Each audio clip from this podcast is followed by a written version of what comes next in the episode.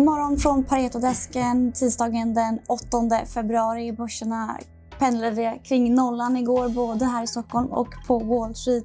OMXS30 stängde till slut på plus 1,1 och S&P 500 stängde till slut på minus 0,4% Fokus den här veckan blir fortsatt på rapporterna men också på inflationssiffran som kommer senare i veckan både i USA och här i Sverige. Här på Pareto har vi släppt ett antal nya analyser, bland annat på Kinnevik, Stefan Wård och eh, Kinneviks aktie har ju länge handlats till ett, en premium men mm. har nu gått ner till en discount. Ja, precis. Den pikar på en premie i somras, juli på drygt 40 procent och sen så har det varit rakt ut för under andra halvåret här senaste sex månaderna kan man säga. Eh, och nu är det på 8 procents rabatt då, mot deras rapporterade NAV och marknadskurser på de listade innehaven. Vi tycker det är intressant. Eh, Kinnevik eh, har en jättebra portfölj anser vi.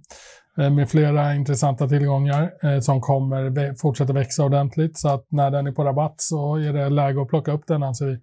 Framförallt i den här rapporten eller uppdateringen så lyfter vi fram Babylon som går väldigt starkt, eh, höjde sin omsättningsprognos för 2022 med 40 procent i mitten av januari här. Inte alls återspeglat i värderingen av Babylon. Mm. Eh, den ligger på en market cap nu på drygt 2 miljarder dollar och vi tror att de kommer ha en omsättning på 2 miljarder dollar redan 2023. Så att det här är i vår, våra ögon då, kraftigt eh, undervärderat det tror vi kommer kunna hjälpa, hjälpa kursen i Kinnevik. Då. Vi ser ungefär 10 kronors uppsida i Babylon per, per Kinnevik-aktie. Mm, varför är Babylons aktie så missförstådd? Då? Eh, den är missförstådd för att det är lite för dålig. Den här SPAC-listningen vart inget vidare. Det vanligt bland SPAC-listningar i USA att det blir rätt eh, kass likviditet. Då. Så att, eh, mm. Från institutionella investerare så tror vi att eh, intresset för Babylon egentligen är stort.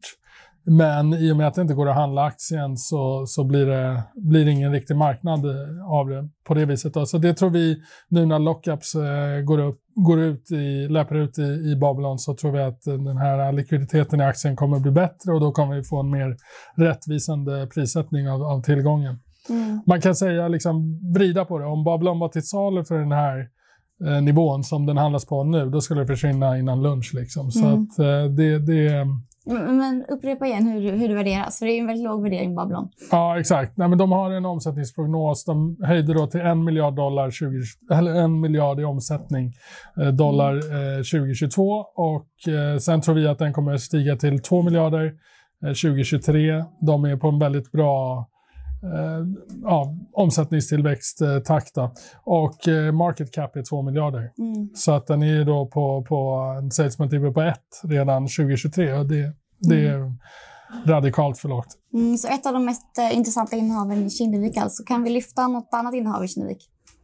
Tele2 kommer ju eh, ge dig nu 37 procent av navet och där kommer Kinnevik få ungefär 4 miljarder tror vi i utdelningar under året. Så det kommer ta deras nettokassa från 5 miljarder till 9 då, eh, om den är oförändrad. Eh, men det visar ju på vilken stark eh, balansräkning Kinnevik har för att fortsätta att göra intressanta förvärv. Så i den här lite volatila marknadssituationen så tror vi att Kinnevik kommer kunna utnyttja den och stärka sin portfölj ytterligare. Då. Både genom att öka ägande i existerande innehav men även hitta nya spännande innehav. Mm. Så det är bra, bra innehav. Sen så såg vi den här uppvärderingen som de gjorde i Pleo, är spännande att se. Det verkar gå väldigt bra. Eh, Cityblock, Cedar är andra investeringar som vi tror mycket på. Då. Mm. Kan även se ett antal noteringar inom säg en tvåårsperiod. Man kan tänka sig att Mathem är på väg till börsen så småningom, 23, 24, där någon gång kanske. Det blir kul att se liksom. Eh, sen så Village MD, Teladoc, innehav där man har skurit ner. De tillsammans har ett värde idag, Kinneviks eh, ägande i dem tillsammans har ett värde på drygt 8 miljarder kronor. Då, och där tror vi att man kan se exits, för de är så pass små nu i ägandet i dem, eh, är så pass lågt. Det är 3% i Teladoc och 4 i, i Village. Så det är möjligt att vi får se exits ur mm. dem. Ja, men mycket spännande i Kinneviks eh, portföljbolag alltså. Mm. Och eh, vi eh, lyfter alltså aktien till köp idag efter att eh, den har handlats ner lite grann och kommit ner till en discount. Tack så mycket Stefan. Vi kan också nämna att vi eh, tar upp eh, Nibe från tidigare säljrekommendation till en behållrekommendation inför rapporten. Det var det vi hade att bjuda på idag. Ha en riktigt fin tisdag.